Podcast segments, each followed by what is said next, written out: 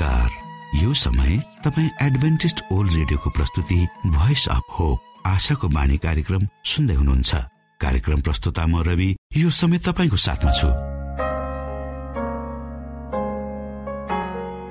मानिस जातिमा देखाइएको परमेश्वरको प्रेम र अनुग्रह तपाईँसँग बाँड्ने उद्देश्यले प्रस्तुत कार्यक्रम तपाईँको आफ्नो प्रिय कार्यक्रम आशाको बाणीमा यहाँलाई हामी न्यानो स्वागत गर्दछौँ। आशाको बाणीको आजको प्रस्तुतिबाट पनि तपाईँले परमेश्वरसँग नजिक रहेको अनुभूति गर्नुहुनेछ भनेर हामी आशा राख्दछौ।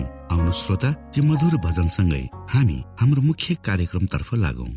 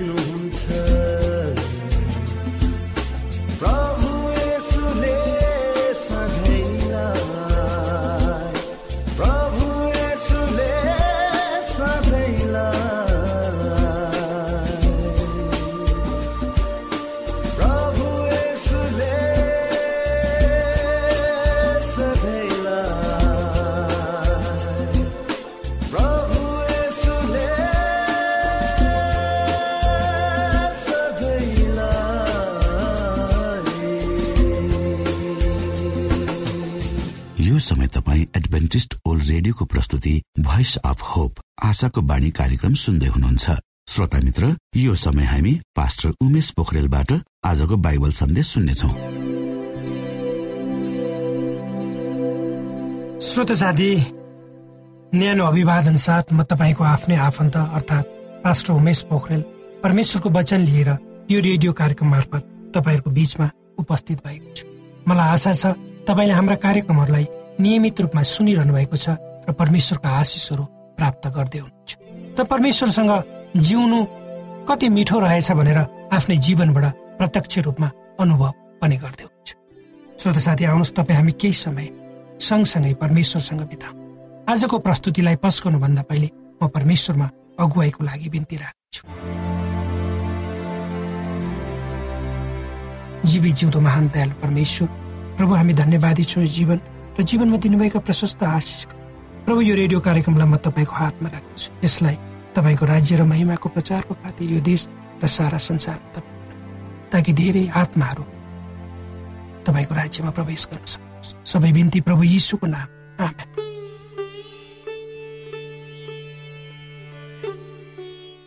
श्रोत साथी एउटा प्रख्यात भनाइ छ यदि परमेश्वर हुनुहुन्न भने के उहाँलाई पत्ता लगाउनु पर्छ वा खोज्नुपर्छ?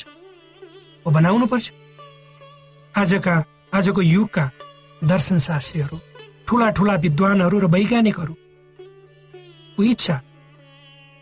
वैज्ञानिकहरू मानिसको इच्छा त्यसको अर्थ र दैवीय परमेश्वरको बारेमा बुझ्नको निम्ति विभिन्न खोज र अनुसन्धानमा लागि परेका छन्। अर्थात् आजका युगका ठुला ठुला दर्शन शास्त्रीहरू पनि वैज्ञानिकहरू पनि यो परमेश्वरको बारेमा। जान्न इच्छुक छन् भनेर एउटा अनुसन्धानले देखाउँछ। आजको युगमा जुन किसिमले सामाजिक राजनैतिक धार्मिक र आर्थिक क्षेत्रमा एउटा एक किसिमको प्रतिस्पर्धा हामी देख्छौँ जसले संसारलाई असुरक्षित बनाउँदै गएको भानु विकास हुनु राम्रो। सामाजिक रूपमा विकास राजनीतिक रूपमा आर्थिक रूपमा सम्पन्न हुनु विकास हुनु परिवर्तन हुनु राम्रो तर जुन रूपमा अस्वस्थ रूपमा हामी यी कुराहरूको विकास हुँदै गएका छन् द्रुततर गतिमा त्यसले संसारलाई एक किसिमको असुरक्षित ठाउँमा ल्याएर राखेको आभास हुन्छ। र त्यसले एउटा अनिश्चितता अविश्वास जस्ता कुराहरूले मानिसको मनलाई गाँच्दै गएको भर्दै गएको हो कि जस्तो भान हामी देख्छौँ। र हामीलाई लाग्छ कसले हामीलाई यी सबै कुरामा अगुवाई गरिरहेको छ? हामी कता जाँदैछौँ? हाम्रो हामीलाई कसले निर्देशित र नियन्त्रित गरिरहेको छ? आफ्नै भविष्यप्रति हामीहरू अनिश्चित छौँ र बडो चिन्तित र संवेदनशील पनि छौँ। भोलि के हुन्छ? आज मानिसमा देखिएको सबभन्दा ठुलो समस्या भनेको कसलाई विश्वास गर्ने?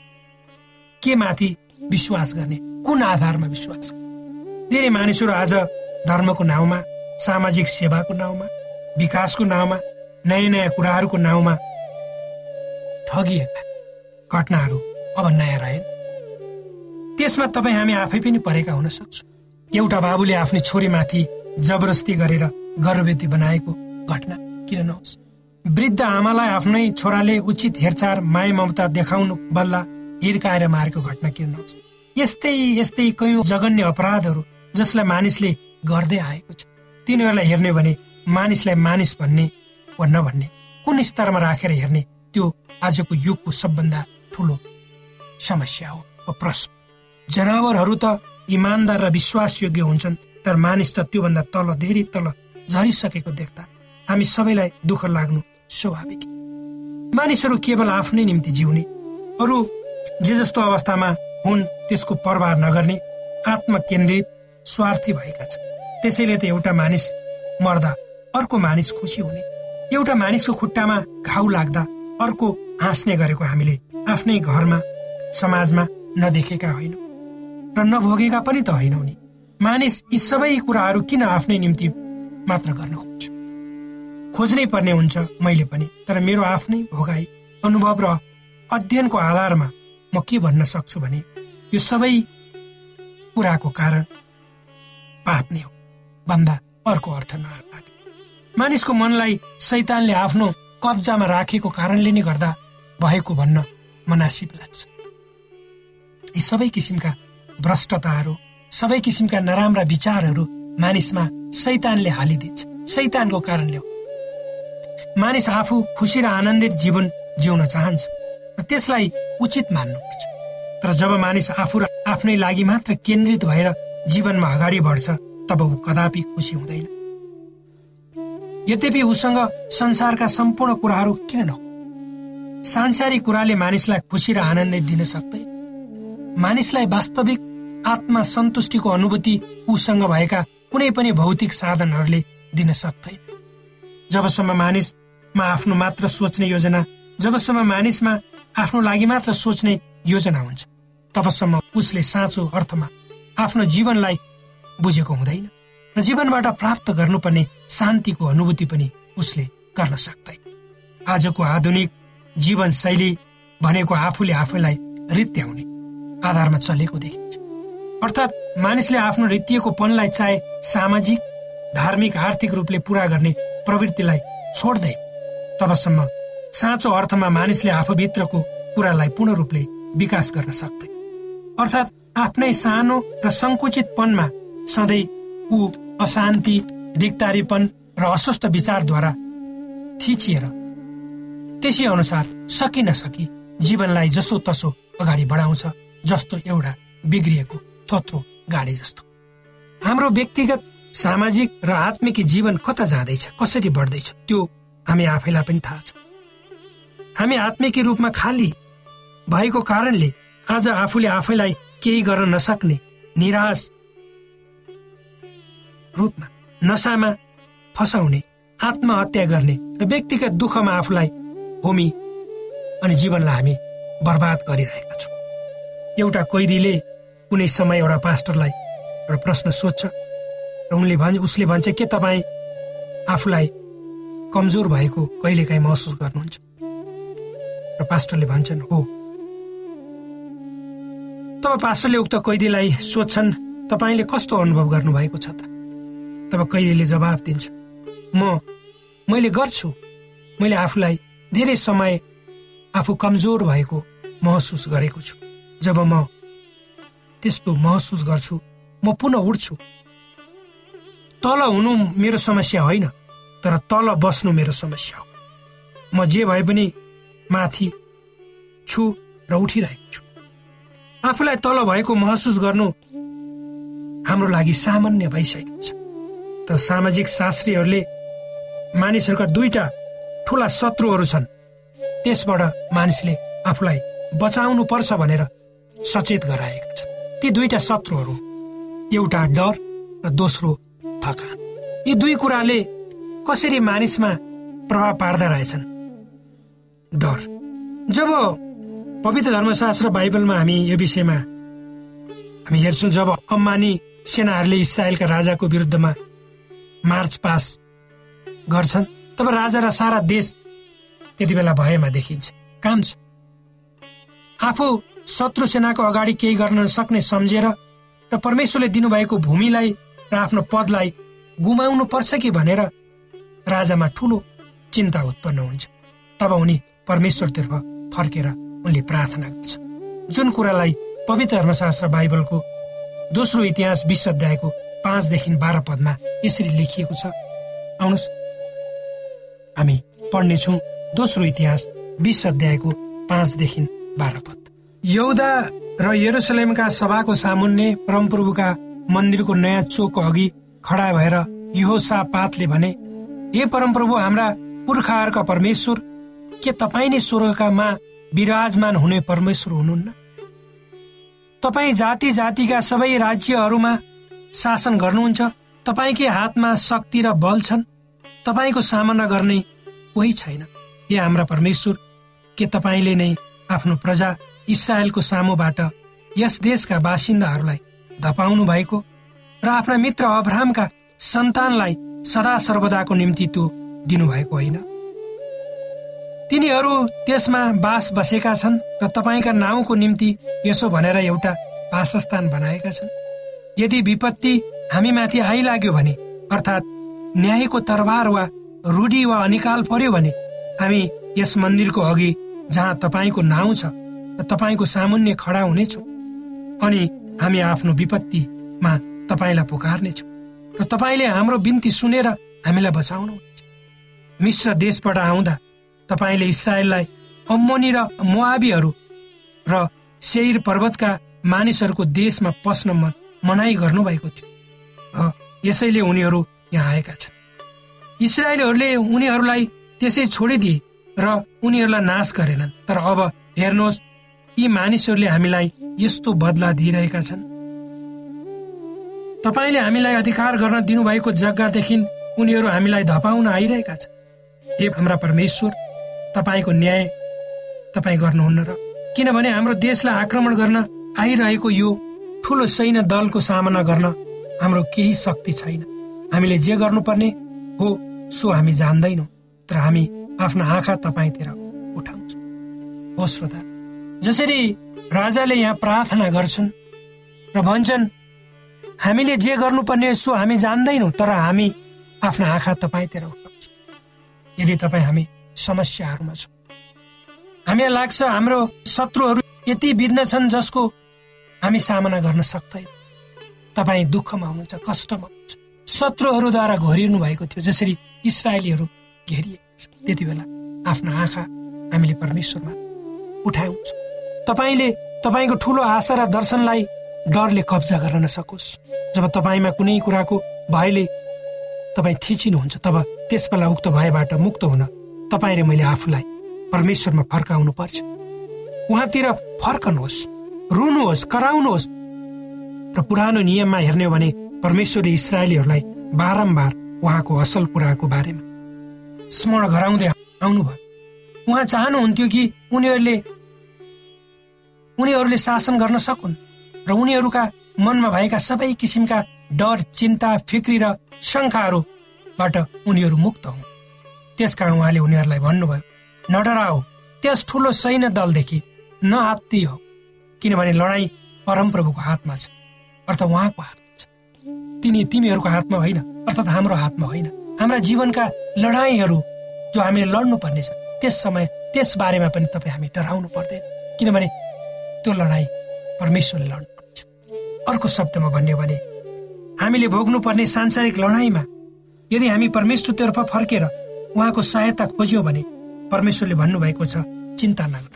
त्यो मेरो काम र उहाँ त्यसको इन्चार्ज वा मुख्य व्यक्ति हुनुहुन्छ।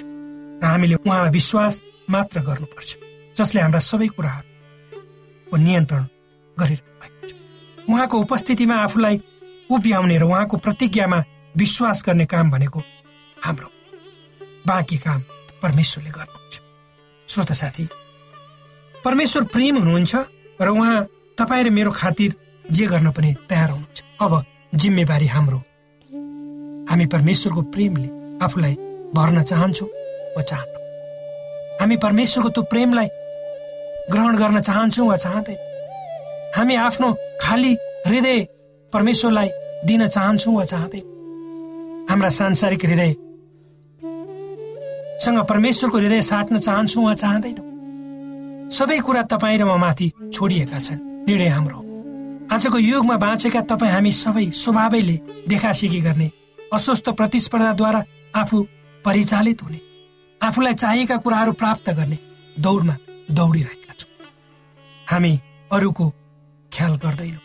त्यसैले त आफ्नो लक्ष्य वा गन्तव्यमा हामी पुग्न नसके बिचै बाटोमा बाटो भुलेको यात्री झैँ बाउतारिरहेका छौँ।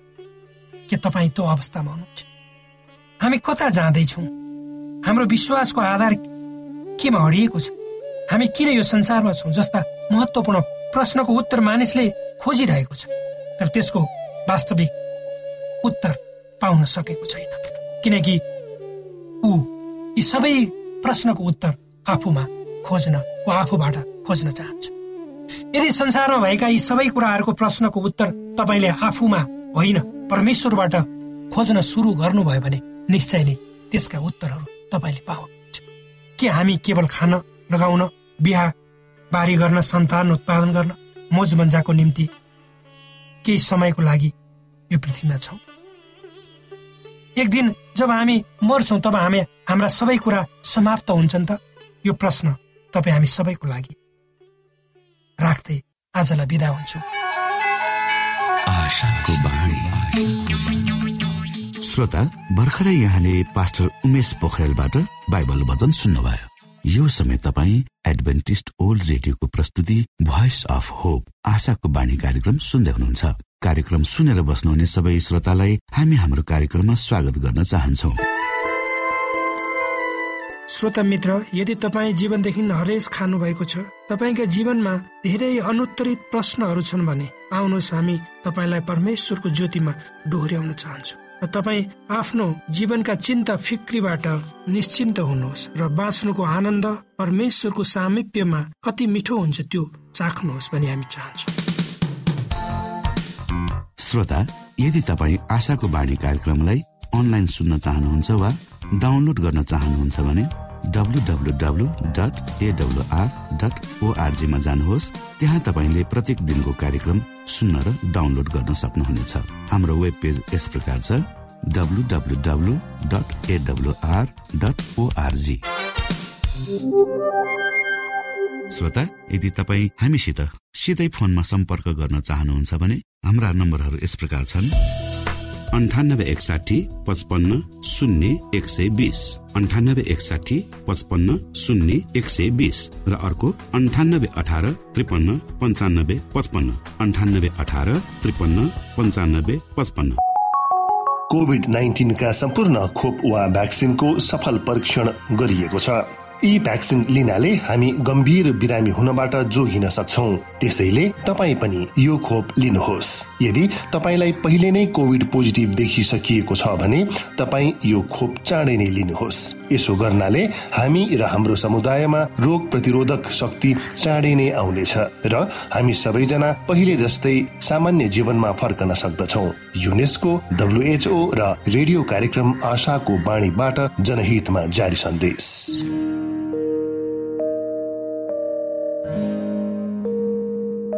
आदरणीय मित्र बाइबलले बताएको छ परमेश्वरले तीर्खाकाहरूलाई तृप्त पार्नुहुन्छ र भोकालाई उत्तम पदार्थले सन्तुष्ट पार्नुहुन्छ। हामीलाई दिइएको यो छोटो समय आशाको बाणीको प्रस्तुतिको समयमा हामीले हाम्रा श्रोताको आत्मिक भोकलाई केही मात्रामा भए तापनि सही प्रकारको खोराक पस्केर आत्मिक सन्तुष्टि दिन सकेका छौँ केही ऊर्जा थप्न सकेका छौँ भनेर हामीले आशा राखेका छौँ। आफ्ना मनमा भएका केही दुविधा र शङ्काहरू छन् भने अवश्य हामीसँग बाँडेर शङ्काको निवारण गर्नुहुनेछ र सही प्रकारको बाटो पहिलाउन सक्नुहुनेछ परमेश्वरको सच्चाइले अझ राम्रो बुझ्न सक्नुहुनेछ र आफ्नो जीवनलाई परमेश्वरमा पूर्ण समर्पित भएर समर्पण सहितको जीवन बिताउन सक्नुहुनेछ भनेर आशा राख्दै अब हामी हाम्रो कार्यक्रम सकिएको जानकारी यहाँलाई गराउन चाहन्छौ। जानुभन्दा अगाडि श्रोता हामी यहाँलाई हाम्रो ठेगानाको विषयमा जानकारी गरौं। हामीसँग पत्राचार गर्ने हाम्रो ठेगाना यस प्रकार छ। आशाको बाणी पोस्ट बक्स नम्बर दुई शून्य शून्य शून्य दुई काठमाडौँ नेपाल। आशाको बाणी पोस्ट बक्स नम्बर दुई शून्य शून्य शून्य दुई काठमाडौँ नेपाल। यसै गरी श्रोता यदि तपाईँ हामीसँग सिधै कुराकानी गर्न चाहनुहुन्छ भने हाम्रो फोन नम्बर यस प्रकार छ। अन्ठानब्बे एकसाठी पचपन्न शून्य एक सय बिस। अन्ठानब्बे एकसाठी पचपन्न शून्य एक सय बिस र अर्को अन्ठानब्बे अठार त्रिपन्न पन्चानब्बे पचपन्न। अन्ठानब्बे अठार त्रिपन्न पन्चानब्बे पचपन्न। हामीलाई इमेल पनि गर्न सक्नुहुन्छ। हाम्रो इमेल एड्रेस यस प्रकार छ Nepal at AWR dot ORG Nepal at AWR dot ORG यदि तपाईँ हामीलाई अनलाइन सुन्न चाहनुहुन्छ वा डाउनलोड गर्न चाहनुहुन्छ भने तपाईँ डब्लु डट एडब्लुआर डट ओआरजीमा जानुहोस् र त्यहाँ तपाईँले हाम्रा सबै कार्यक्रमहरू सुन्न सक्नुहुनेछ। हाम्रो वेब पेज यस प्रकार छ W dot AWR dot ORG श्रोता यसमा गएर तपाईँले हाम्रा दैनिक कार्यक्रमलाई सुन्न सक्नुहुनेछ र डाउनलोड पनि गर्न सक्नुहुनेछ। हवस् त श्रोता हाम्रो कार्यक्रम सुनिदिनु भएकोमा एकचोटि फेरि यहाँलाई धन्यवाद दिँदै भोलि फेरि यही स्टेशन यही समयमा यहाँसँग भेट्ने आशा राख्दै प्राविधिक साथी राजेश पास्टर उमेश पोखरेल र कार्यक्रम प्रस्तुता म रवि यहाँसँग विदा माग्दछौ। परमेश्वरले तपाईँलाई धेरै धेरै आशिष दिनु भएको होस्। नमस्कार।